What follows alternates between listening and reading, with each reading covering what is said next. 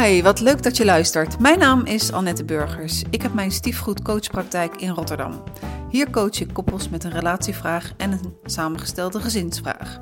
Voor mijn podcast Op zoek naar de liefde ga ik op zoek naar bijzondere liefdesverhalen met een lach en een traan. Wil jij je ook aanmelden? Stuur dan een mailtje naar annette.stiefgoed.nl Vandaag is Brenda, 49 jaar, mijn gasten. Zij is ervaringsdeskundige in, dat gaan we zo horen. Welkom Brenda. Dankjewel. Mijn allereerste vraag is niet zo uh, verrassend voor de luisteraar en zeker niet als je al meer podcasten beluisterd hebt. Mijn allereerste vraag is, wat is je relatiesituatie? Uh, mijn relatiesituatie momenteel is dat ik een latrelatie heb met iemand die dus niet bij mij thuis woont, maar een stukje verderop. En ik heb nog een uh, dochter thuiswonend en een dochter uitwonend. Oké, okay, dus je hebt nu een uh, latrelatie. Dat betekent waarschijnlijk ook dat hier vooraf in het verleden iets anders was? Ja, dat is inmiddels al heel lang geleden. ik heb een man gehad, ben getrouwd geweest. En die is helaas overleden in 2011. En ben daarna een tijdje alleen geweest en heb op een gegeven moment dan weer een nieuwe relatie ontdekt, gevonden. Of hij heeft mij eigenlijk gevonden. En dat gaat heel goed, maar dat is een beetje het verhaal van mij, ja. Oké, nou dat is een uh, heel snel verteld in, in, vogelvlucht. Zo makkelijk gaat dat niet hier uh, aan de tafel. Dus we gaan eventjes heel erg terug uh, naar het verleden.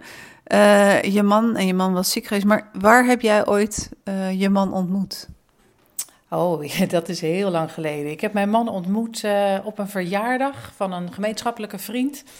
En hij was totaal niet geïnteresseerd in mij, ik overigens wel in hem.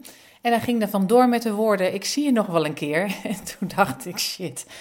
Maar wij kwamen elkaar toen een week later tegen, want hij had al lang gezien dat ik uh, in dezelfde uitgaansgelegenheid altijd ging stappen als dat hij deed. En ja, zo is het een beetje ontstaan, maar dan heb je het echt over 1980 dat we elkaar ontmoet hebben.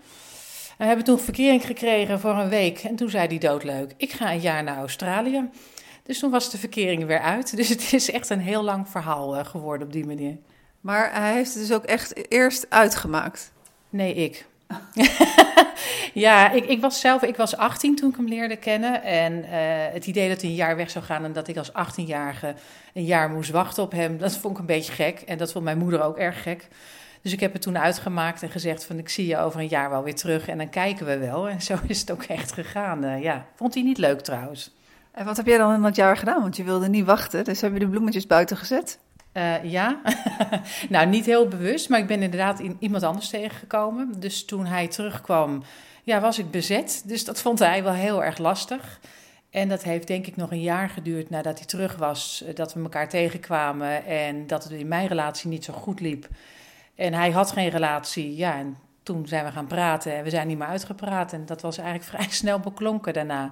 Dus er heeft altijd wat gezeten. Het was wel heel bijzonder dat we bij elkaar terugkwamen. Maar dat heeft al met al denk ik ruim twee jaar geduurd. Ja, bijzonder. ja, inderdaad.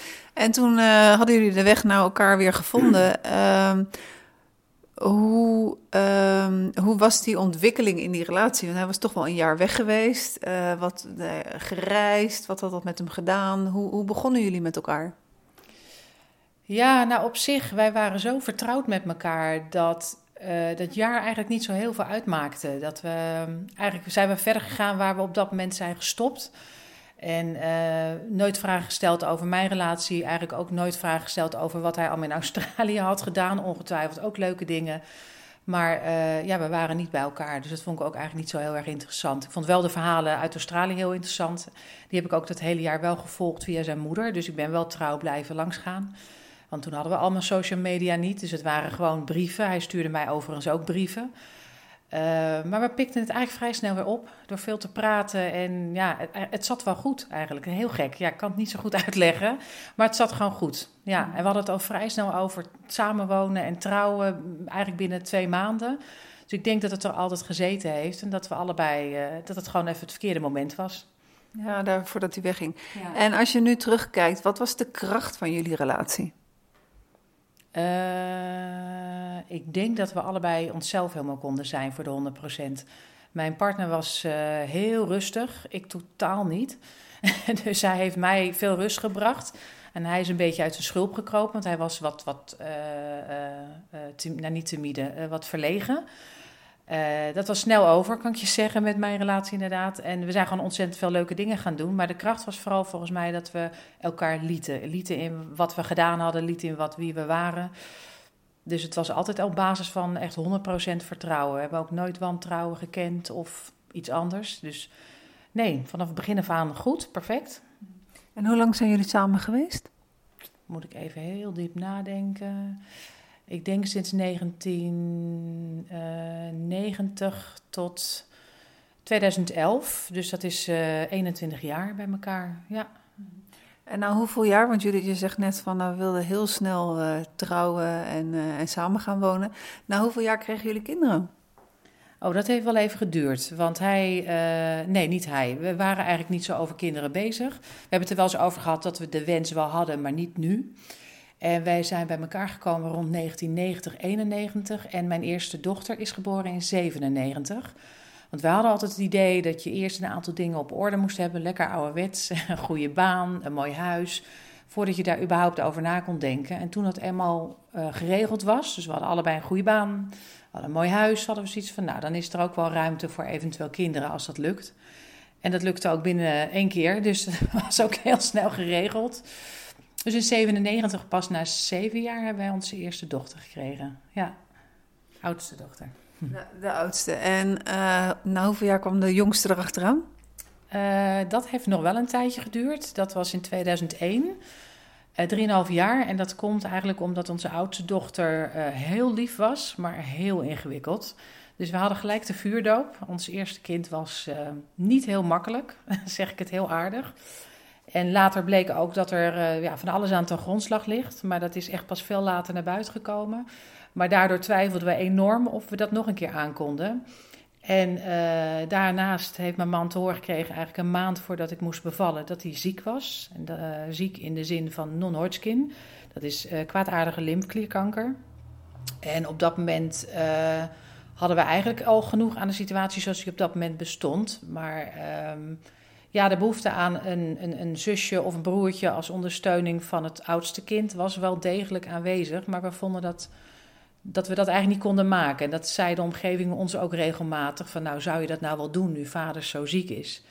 En dat heeft al een proces uh, van een paar jaar nodig gehad om te bedenken van nou ja, uh, wat is dan een goede vader? Is dat dan een vader die een jaar leeft of een vader die twintig jaar leeft? We gaan er gewoon voor en daar ben ik op de dag, tot op de dag van vandaag nog dankbaar voor dat ik dat, die keuze zo samen gemaakt heb. Ja. Hmm. Hoe was dat voor jou? Hij ziek, zwangerschap, uh, jij als moeder, dan nog de alles, alles tegelijk? Nou, het eerste jaar was heel zwaar. Want we hadden net, ja, we hoorden het een week voordat mijn oudste dochter kwam. En definitief ongeveer een maand nadat ze was geboren. En mijn man schoot eigenlijk gelijk in een depressie. Die was niet aanspreekbaar voor ons. Dus ik stond er ook nog eens alleen voor, voor mijn gevoel. Ik had intens medelijden met hem, maar hij sloot zich helemaal af. Het was echt heel zwaar. En waar het uh, in eerste instantie zo gepland en gewenst was, en daarom weet ik nu ook als geen ander dat dat niet zo werkt in het leven, uh, was het in één keer heel onhandig dat we een klein kindje hadden. En dat, dat, dat kon eigenlijk gewoon niet samen. Ik had genoeg aan mijn eigen verdriet, mijn man had genoeg aan zijn eigen verdriet. Ja, en ik was een babytje die aandacht nodig had en dat vond ik echt enorm ingewikkeld. Ja. Ja, ik kan me voorstellen. En hoe, hoe uh, heb je uiteindelijk die verbinding naar elkaar teruggevonden?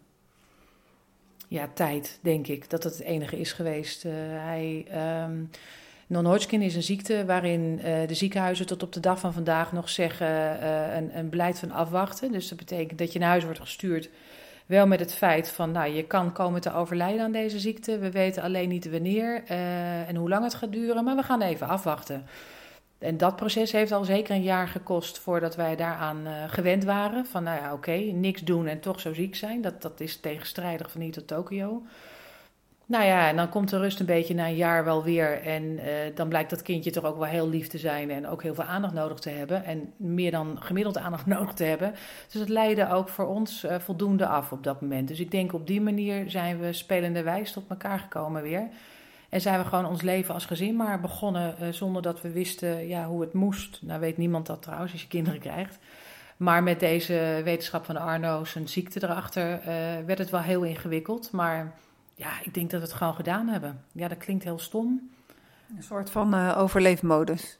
Ja, dat heb ik wel eigenlijk twintig jaar lang gevoeld. Vanaf het moment dat hij ziek was, was het, we zijn ingestapt en het is vasthouden. En niet uitstappen en ook niet stoppen. dat kan niet. En dat is achteraf uh, ook wel uh, de grootste opluchting op het moment dat iemand er niet meer is. Dat je ineens een keer merkt dat je wel mag uitstappen en stoppen. En dat je ook eens aan jezelf toekomt. Want ik denk achteraf dat wij twintig jaar lang op een soort sneltrein hebben gezeten. Of draaimolen, hoe je het dan ook als synoniem wil noemen. En dat is heel goed gegaan. Ik denk dat we naar omstandigheden dat uh, goed hebben ingevuld. Uh, maar echt makkelijk uh, is het nooit geweest. Geen minuut, nee.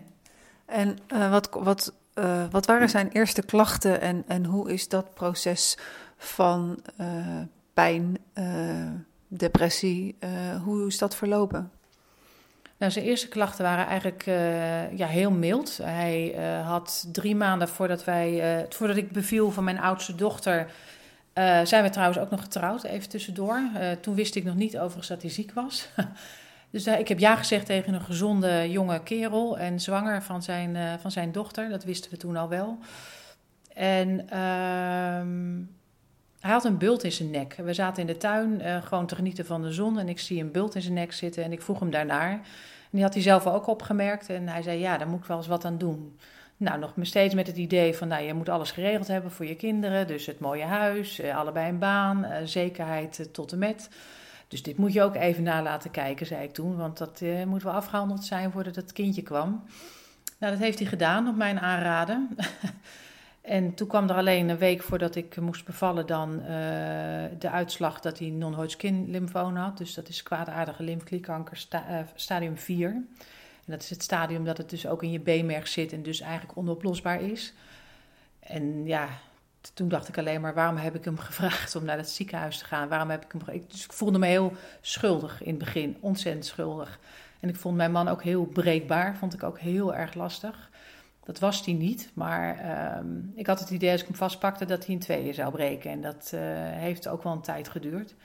Maar had in het begin niet zoveel klachten verder dan dat. Uh, er is uh, daar een punctie van genomen, daar is het uitgekomen. Maar verder is, had hij eigenlijk geen klachten. Die begonnen eigenlijk pas in de jaren daarna. Dus je hebt in het begin alleen maar de wetenschap dat, je, dat je het hebt en dat het niet goed is. En ja, daarna ga je naar huis en ga je weer normaal doen, proberen gezien de situatie. En dat is een bijna onmogelijke opgave, kan ik je zeggen. Ja, ik, kan ook niet zeggen, kan ik me voorstellen, want ik, ik heb het niet, uh, niet beleefd, dus ik kan me daar echt niks bij voorstellen. Tot als je dan kijkt, hè, want hij heeft vanaf het moment dat hij te horen heeft gekregen, nog 19 jaar of 18 jaar nog mogen leven? Um, hij heeft het in 1997 gehoord en in 2011 is hij overleden, dus dat is 14 jaar. Uh, en dat is ook een beetje de verwachtingspatroon van deze ziekte, helaas. Dus het is ook allemaal uitgekomen wat er gezegd werd in het begin. En uh, op een gegeven moment komt dan het moment dat je eigenlijk alleen nog maar een zorgende taak hebt voor je man. Ja, en mijn dochters waren toen relatief uh, jong. Uh, niet zo jong dat ik ze continu hoefde vast te houden, maar ze waren, dan moet ik even goed rekenen inderdaad, 10 en 13. Dus wel in de leeftijd dat ze mij voor veel dingen nodig hadden. Maar de kinderen die uh, sloten zich op een of andere manier een beetje daarvoor af. En uh, ik had er ook eigenlijk niet zo heel veel tijd voor. Uh, jammer genoeg. En ehm, ja, je gaat gewoon beginnen aan de zorgtaak. Het, ja, het is heel moeilijk te omschrijven. Maar je rolt daarin en dat is weer hetzelfde gevoel als je nog vast te houden in die sneltrein. als je maar vasthoudt, gaat het goed komen. Je kan niks anders. Je kan niet uitstappen, je kan niet reflecteren, je hebt geen tijd om na te denken. Uh, wij werden echt geleefd door het ziekenhuis. Dus hij had soms drie, vier afspraken in de week in de Daniel de Hoed kliniek. Dus dat was ook nog eens niet om de hoek. Met kinderen die schoolgaand waren en zelf dan nog een baan. En uh, dat is gewoon heel lastig te combineren. Ik heb het wel gedaan, maar ik weet nu niet meer hoe ik dat voor elkaar heb gekregen. Want als je daar gewoon uh, over nadenkt op afstand, dan is het eigenlijk niet te doen. Nee, ik wou net vragen van hoe heb je dat voor elkaar gekregen? Uh, maar je geeft nu al van ja, ik weet het eigenlijk niet.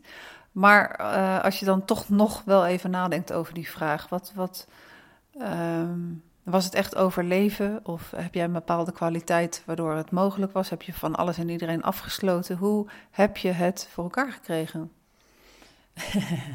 nou, alles bij elkaar denk ik en dan een beetje. Uh, ik ben sowieso wel een hele erg regelneef. Dat is heel handig als dit soort dingen gebeuren. En wat ik echt mazzel had, is dat ik een uh, hele fijne groep mensen om me heen had. Die met mij het probeerden te organiseren zodat het haalbaar was. Want hij is uh, al die jaren eigenlijk ziek geweest, maar dan af en aan. Dus vaak chemo's. Nou ja, dan konden opa's en oma's wel oppassen en dan ging ik mee. En ik was er altijd bij. Dat wilde ik zelf heel graag. Dat ik nooit spijt had van keuzes die ik niet uh, gemaakt had. En dus tot, uh, tot die tijd ging het wel goed. Maar in 2011, in januari, kreeg hij een stamceltransplantatie. En vanaf dat moment is iemand gewoon echt meer in het ziekenhuis dan thuis. En toen begon het toch wel wat lastiger te plannen te zijn. En wat we gedaan hebben is met een groep vriendinnen, dat zijn er uh, drie, uh, gingen we iedere week echt praktisch om tafel zitten, agenda's erbij. En we hadden een heel netwerk gemaakt van vrienden die op welke dagen beschikbaar waren om als soort backup te, te dienen.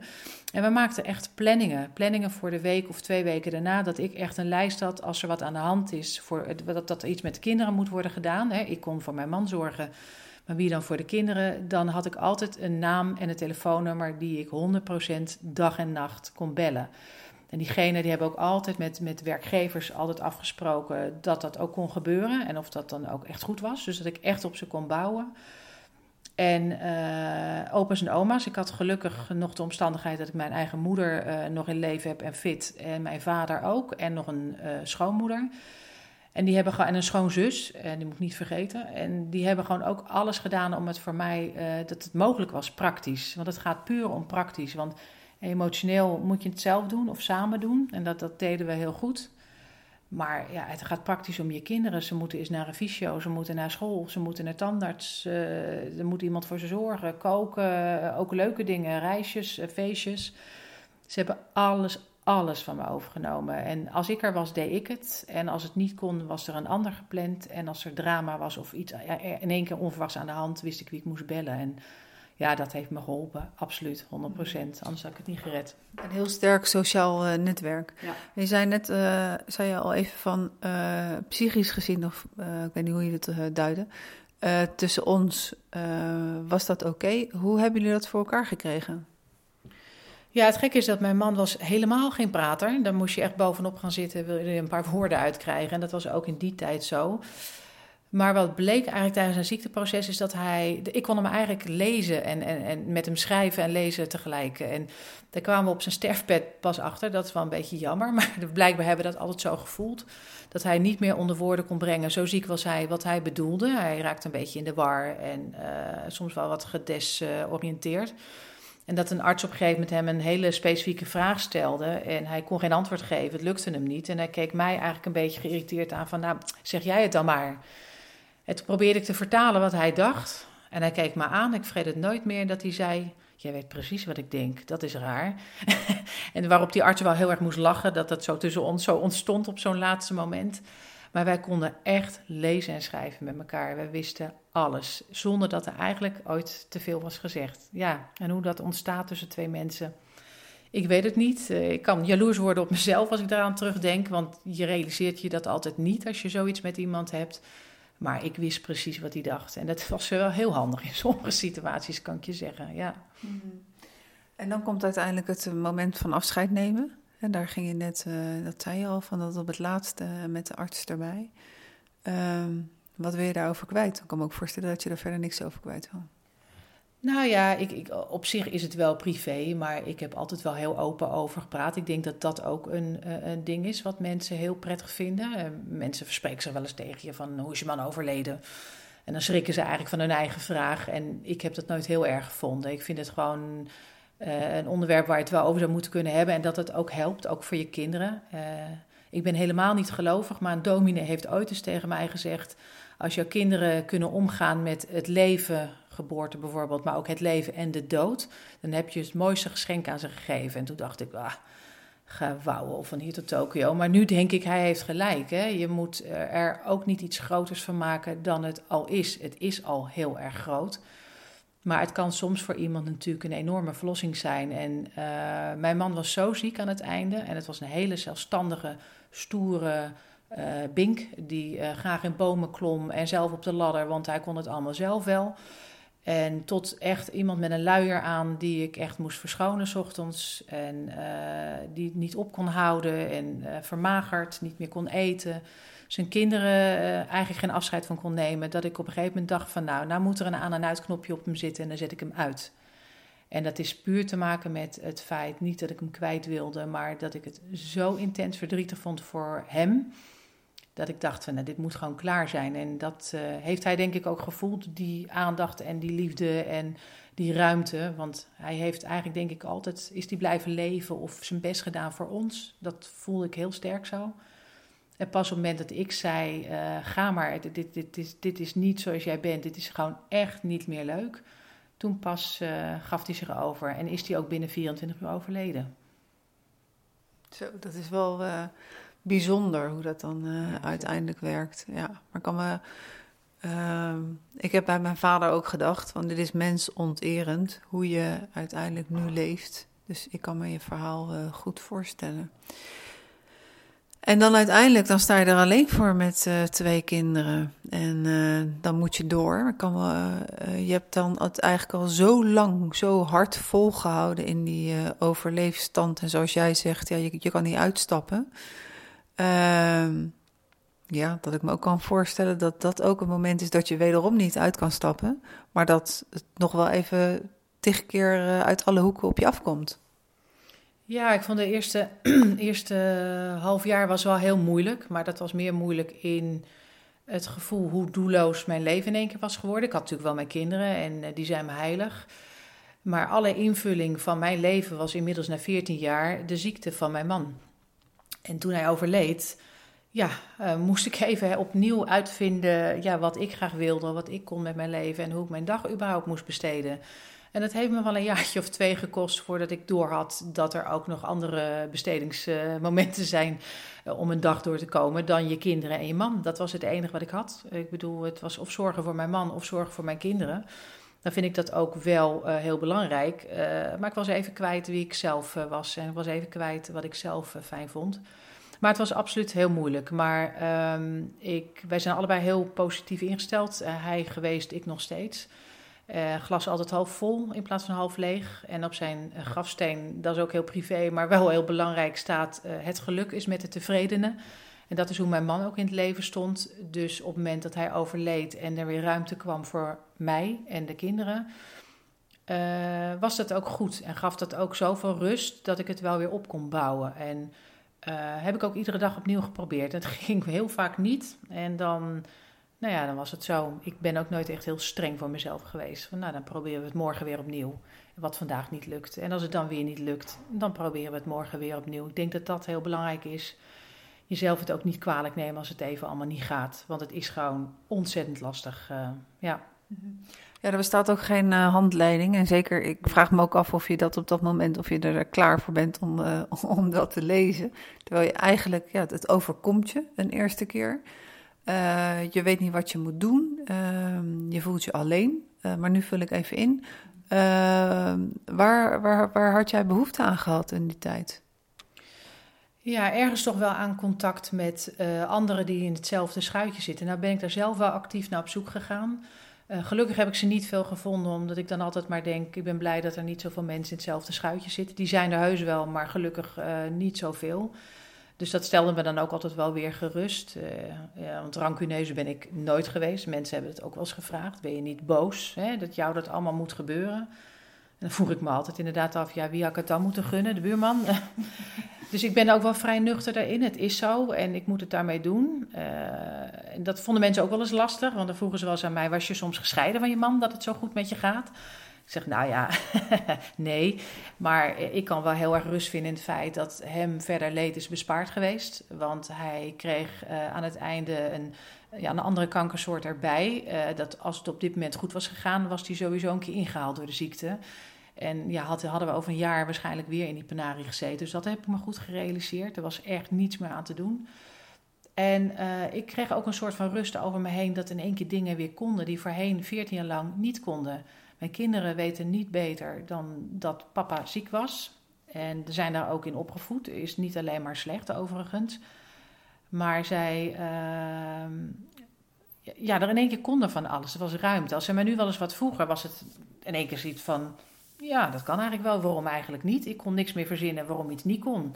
Toch voorheen hadden we ongeveer 26.000 redenen waarom iets niet kon. Papa ziek, uh, te veel herrie, papa heeft rust nodig, papa ziekenhuis, uh, papa is kwetsbaar. En ja, nu had ik eigenlijk geen redenen. En dat was ook wel heel fijn eigenlijk. Dus in één keer kon er weer heel veel meer. En genoot ik enorm van mijn meiden. En dat zei mijn oudste dochter op een gegeven moment ook wel tegen mij. Mam, we hebben het met z'n drieën ook heel goed. En ja, dat is denk ik de reden waarom ik overeind ben blijven staan. Dat zeggen veel moeders over het algemeen natuurlijk met kinderen. Uh, maar het is niet zo uh, dat alleen door mijn kinderen ik door ben gegaan. Ik wilde ook zelf echt heel graag weer door. Ik dacht, ik ben er klaar mee. Het is uh, voorbij. We hebben dit gedaan. Het is verschrikkelijk, maar nu is het mijn tijd en we gaan gewoon vooruit kijken. En mijn kinderen hadden het echt zwaar genoeg gehad om nu ook eens de mogelijkheid te hebben om een beetje lol te trappen. En dat er wel dingen konden. Want ze hebben het ook samen met mij gewoon heel zwaar gehad. Ja. -hmm. En dan zeg je oudste dochter van... Uh, mam, we hebben het toch goed met z'n drieën? Een mooi bruggetje. Ja. Want dan komt er een moment waarop je uh, nou ja, voelt of, of, of denkt... Ik weet niet hoe dat bij jou gegaan is... van uh, ja, misschien ben ik toch wel toe aan een nieuwe meneer in mijn leven. Ik zit even heel diep na te denken hoe dat ging. Nou, ik was dat de eerste maanden helemaal niet. En dat vroeg op een gegeven moment iemand ook ergens aan mij van, uh, kijk je wel eens om je heen? Ik zei, nou ja, ik kijk wel om me heen, maar er is niks interessants bij wat tipt aan mijn man, dus uh, geen behoefte aan. Tot op een gegeven moment iemand voorbij komt uh, waar je dat niet denkt. En zo werkt dat eigenlijk heel simpel. En dat is bij de een na een week en bij de ander na zes jaar. Ik denk dat daar absoluut geen, geen standaard voor is. Want ook daar heb ik mee te maken gehad. Dat mensen het idee hadden dat ze daar iets over mochten zeggen bij mij. Of ik het wel goed deed allemaal. Nou, daar ben ik altijd heel wars van geweest. Van bemoeien met je eigen zaken. Maar in één keer staat het voor je neus en denk je: hé, hey, dit is toch wel interessant. En ja, zo simpel werkt het volgens mij. En ja, dan ga je dat uitbouwen. En het enige wat ik dacht is: oh jee, als mijn kinderen dit maar leuk vinden. En mijn schoonmoeder. Dat vond ik eigenlijk de enige ja, twee groepen die belangrijk waren. Dus ik heb het officieel aan mijn kinderen gevraagd en ik heb het officieel aan mijn schoonmoeder uh, voorgelegd. Hoe, hoe, welke vraag heb je gesteld? nou, ik heb mijn schoonmoeder uitgenodigd, die inmiddels, uh, die was ook weduwe, of is ook weduwe van uh, mijn mans vader. Die was al eerder overleden. Dus die wist wel een beetje in welk schuitje ik zat, dat scheelde wel. en die had een nieuwe liefde ook zelf, dus ja, dat scheelde ook. En ik heb ze gewoon ja, verteld wat er aan de hand was. En dat ik een beetje bang was dat ze dat niet heel erg leuk zou vinden. Dus ik heb het maar voor de ingevuld. En toen begon ze heel hard te huilen. en ik wist niet zo goed wat ik daarmee aan moest, want ik had zelf nog genoeg uh, aan mijn hoofd. Maar toen zei ze de mooiste woorden. Je hebt zo goed voor mijn zoon ge gezorgd al die jaren. Ik gun jou dit. Oh. Nou, toen dacht ik echt, ja, serieus, dat is zo lief. En eigenlijk is dat ook wel wat mijn kinderen zeiden, want die hadden veel huilende moeder op de bank gehad. Die waren er ook wel een beetje klaar mee, want pubers gaan gewoon lekker uh, hun puberdingen doen. En uh, die denken van, nou ja, we zijn een half jaar verder, ik vind het wel prima zo. Dus die vonden het eigenlijk ook wel oké in het begin. Hmm. Dan ga ik je wel een hele privévraag sturen, uh, stellen. Van nou ja, je bent dan zo. sorry, je bent zo. Ehm, ja, je hebt zoveel gehouden en op dat moment, dat gaat natuurlijk niet over. Het krijgt alleen een andere vorm uh, van je man. En dan komt er een eerste moment waarop je een andere man zoent. Hoe eng was dat? Nou, niet eng, want hij zoende mij, dus dat, ik had geen keuze. Nee, ik vond dat niet zo heel. Ik vond intiem zijn vond ik enger dan uh, zoenen. Dus ik had daar niet zo heel veel last van. Waar ik veel last van had de eerste maanden eigenlijk van onze relatie, is dat je dan heel verliefd wordt op iemand nieuw. En die is hartstikke leuk en heb je een leuke avond gehad. En dan reed ik wel eens naar huis en dan had ik het gevoel dat ik van twee mannen hield. Nou, ik ben zo opgevoed dat dat in mijn uh, dagboekje niet kan. Uh, je houdt van één man of van één vrouw, uh, dat maakt me dan ook niet uit. Maar in ieder geval niet van twee tegelijk, dat, is, dat, is, dat kan niet. En dat vond ik zo ingewikkeld.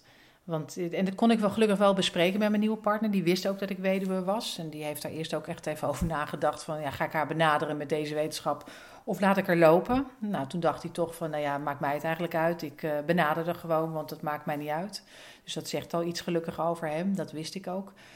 Maar ik vond het heel ingewikkeld in het begin. eh, dat ik er van twee hield. En dat, dat, is, dat vond ik eigenlijk lastiger dan de eerste zoen. Eh, Mm. Die ging vanzelf. Daar had ik geen keuze in. Maar was goed hoor. Ja. En hoe heeft dat een plekje gekregen van twee mannen houden? Ja, ik, ik, ik denk er ook weer simpel en het is zo cliché tijd.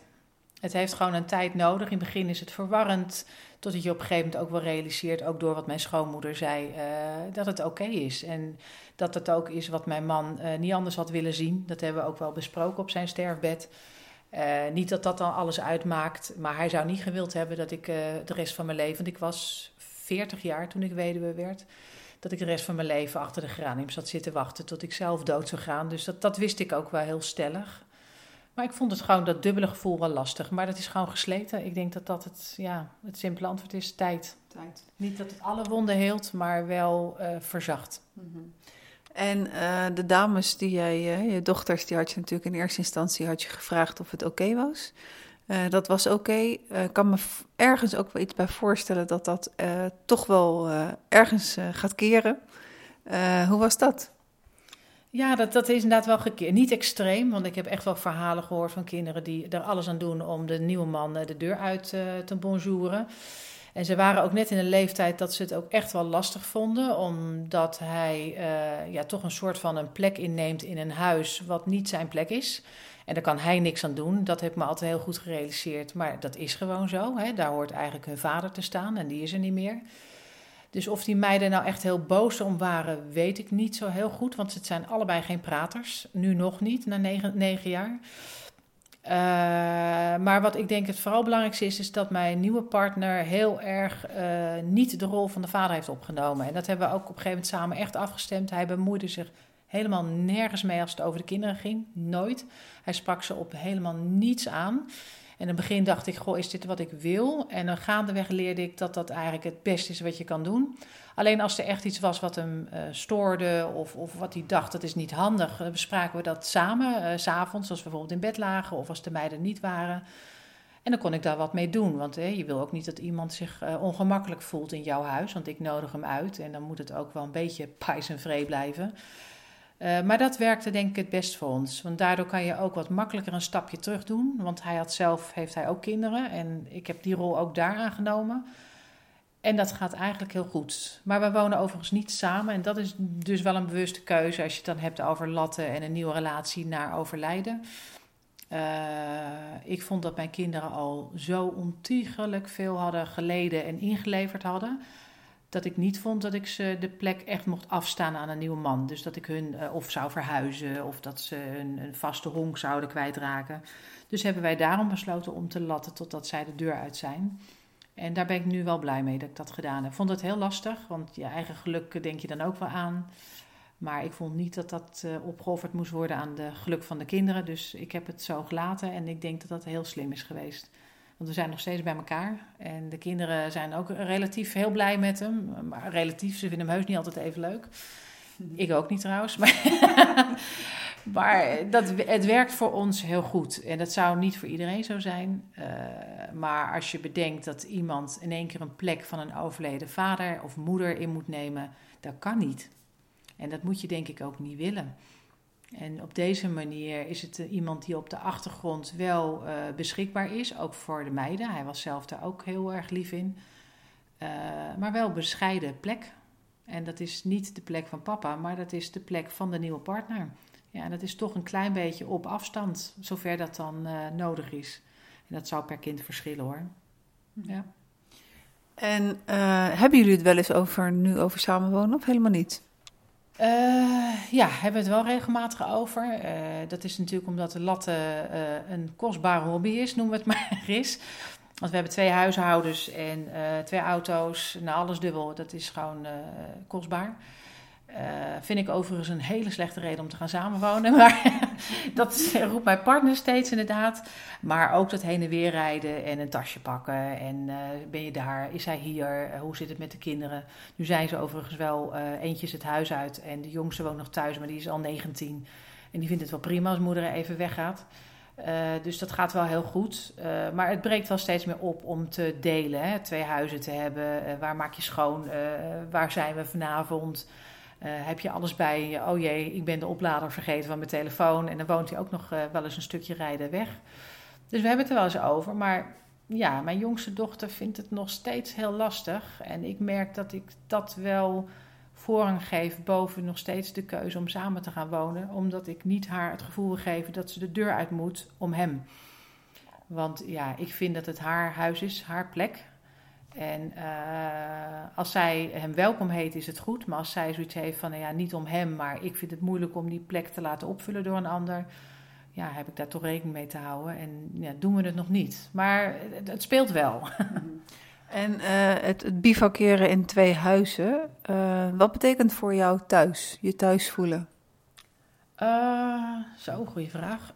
Um, ja, ik, ik voel me in mijn eigen huis heel thuis. En dat klinkt natuurlijk gelijk heel naar. Ik voel me in zijn huis helaas niet thuis. Maar dat komt omdat hij ook meer bij mij is doordat ik uh, fulltime uh, twee kinderen thuis uh, heb. En hij is gescheiden vader, dus heeft zijn kinderen niet altijd. Dus iets meer ruimte om ja, wat, wat te verkassen. En mijn huis gaat me zo aan mijn hart. En dat heeft ook te maken dat mijn huis als bouwval is gekocht door mij en mijn man. En dat we dat samen hebben opgebouwd. Mijn kinderen zijn er geboren. En uh, ja, ik vind het moeilijk om dat achter te laten. Dus tot nu toe is mijn huis waar mijn kinderen zijn. Ik denk dat dat het belangrijkste idee is. Dus zodra mijn uh, kinderen allemaal het huis uit zijn, dat dat misschien verandert. Dat moet ik dan nog zien. Maar het idee dat ik nu weg zou moeten uit mijn huis, Nee, dat uh, is nog geen optie. En ja, ik ga ook wel regelmatig naar hem toe, maar dan voel ik me toch echt minder op mijn gemak dan thuis. En ja, hoe dat voor hem is, is natuurlijk ook wel lastig, want hij zou ongetwijfeld precies hetzelfde hebben andersom. Maar hij is zo vaak bij mij dat ik wel het idee heb dat hij zich ook wel thuis voelt bij mij. Maar ja, dat maakt het heel lastig. En dat maakt het ook soms dat mensen keuzes maken om eh, wel de gezinnen, denk ik, bij elkaar te voegen door dit gedoe. Maar ja, dan hoor je ook wel vaak dat dat uh, toch niet zo makkelijk is. We hebben een aantal vakanties geprobeerd als testcase. Nou, dat was inderdaad een goede test, want het was geen optie, omdat ja, de, de, de onderlinge verhoudingen zo verstoord raakten dat we alleen nog maar ruzie hadden. Nou, dat hadden we er gewoon niet voor over. Dus we zijn gestopt met gezamenlijke vakanties. Maar daarmee was ook gelijk het samenwonen uh, voorlopig op de lange baan. Uh, maar dat was wel een goede keuze, want sindsdien zijn er ook geen ruzies meer geweest. Dus op zich is dat natuurlijk ook niet verkeerd. Maar ja, thuis is mijn huis. Ja. Maar misschien wel een mooie vraag ook om aan hem te stellen vanavond. Voel je je thuis in mijn huis? Ja. ja. Uh, uh, dus kan jij je voorstellen dat, uh, stel dat je jongste dochter over een paar jaar de deur uitgaat, uh, dat je überhaupt je huis uitgaat? Ja, dan wel. Ja, ik, ik merk de laatste jaren steeds meer dat het ook voor mijn kinderen is. Want die roepen ook altijd: Mam, als je weggaat, dan kopen wij het wel. Nou ja, dan heeft de oudste geen baan en de jongste is nog aan het studeren. Dus dat is nu geen optie. Ze zouden het van me kunnen huren, maar ook de jongste ja, heeft daar gewoon niet de middelen voor. En de oudste woont inmiddels in het buitenland. Dus ja, die, uh, die uh, vindt het daar prima. Beter dan in Nederland, zegt ze altijd. Dus, maar ik denk als, als ik echt, als de jongste uit huis is, dan denk ik wel dat ik me dat zou kunnen voorstellen. En dat ik ook iets zou willen waar ik wat minder werk had aan mijn huis. Want ik heb toevallig een huis met een hele grote tuin. Wat mijn man heel erg een leuke hobby vindt. Ik iets minder. Maar ik vind het wel heel mooi en het is wel echt heel erg van ons. Maar ik denk dat ik dan pas kan, ja. Dat je dan pas goed kan naar de tweede helft van, uh, van jouw leven. Welke vraag heb ik je niet gesteld en zou je eigenlijk toch nog wel antwoord op willen geven in deze context? Um, nou ja, je vroeg natuurlijk hoe je de eerste jaren hebt beleefd na het overlijden van mijn man met mijn kinderen. En dat is dan ook nog eens als de situatie misschien ideaal is, is het al verschrikkelijk. Uh, maar mijn oudste dochter uh, kreeg een aantal psychische problemen. Uh, deels door het overlijden van haar vader, maar ook deels dingen die we eigenlijk, omdat ze zo lastig was als bij de geboorte, nooit eerder echt veel tijd voor hebben gehad. Omdat het altijd over de ziekte van mijn man ging.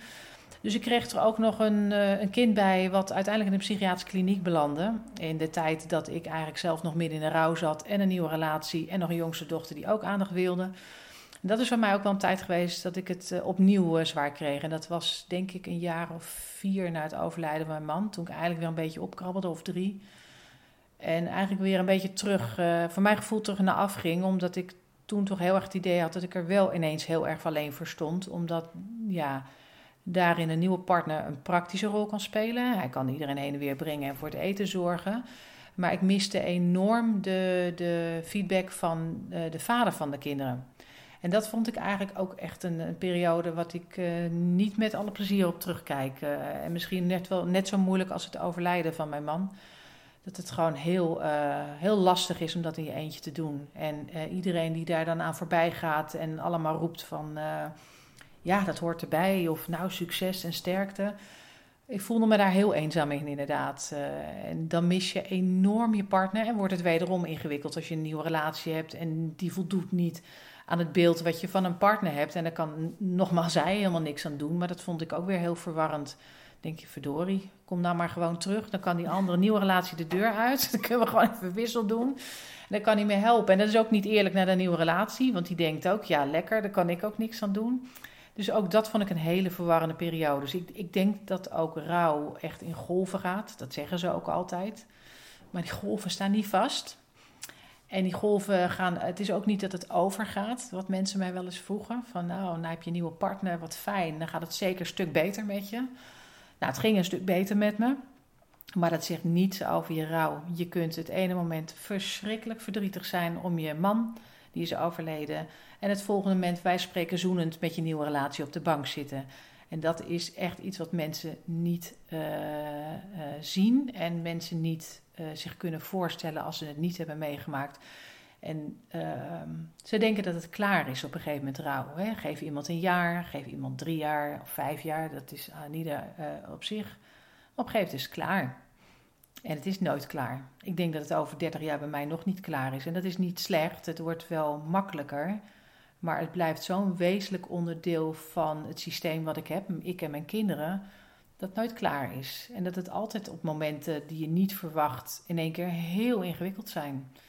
En dat vond ik wel uh, een van de lastige dingen nog na die tijd. Het is heel eenzaam. Ondanks dat je partner hebt, naar een leuke verjaardag weer ging en dan had je een gezellig feestje en dan kon je je zo alleen voelen omdat mensen natuurlijk altijd praten in de vorm van uh, hun gezin. En met z'n allen op vakantie. Wat gaan we doen met kerst? En dan had ik wel een nieuwe partner. Maar het stukje zorgen voor voelde toch, en nog steeds tot op de dag van vandaag, uh, dat ik daar alleen voor sta. En dat is ook zo. En daar kan niemand wat aan doen. Maar dat betekent niet dat het voor mij dan nu allemaal helemaal roosgeur maneschijn is. Omdat ik nou eenmaal een nieuwe relatie heb. En dat vond ik wel lastig. Dus ik denk dat uh, als je zegt over wat heb jij gemist, dan wil ik nog even op terugkomen inderdaad. Ik miste dus inderdaad heel erg wel uh, mensen die gelijkgestemd waren. Heb ik gezocht, vond ik ook niet wat ik wilde. Want het waren dus soms wat oudere mensen waar ik me niet bij thuis voelde. Of mensen die in een hele andere fase zaten.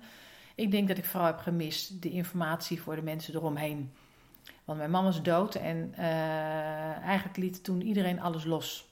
Van nou, we hebben nu eh, de zware periode met haar meegemaakt. Uh, waren ze er allemaal klaar mee en ze waren moe.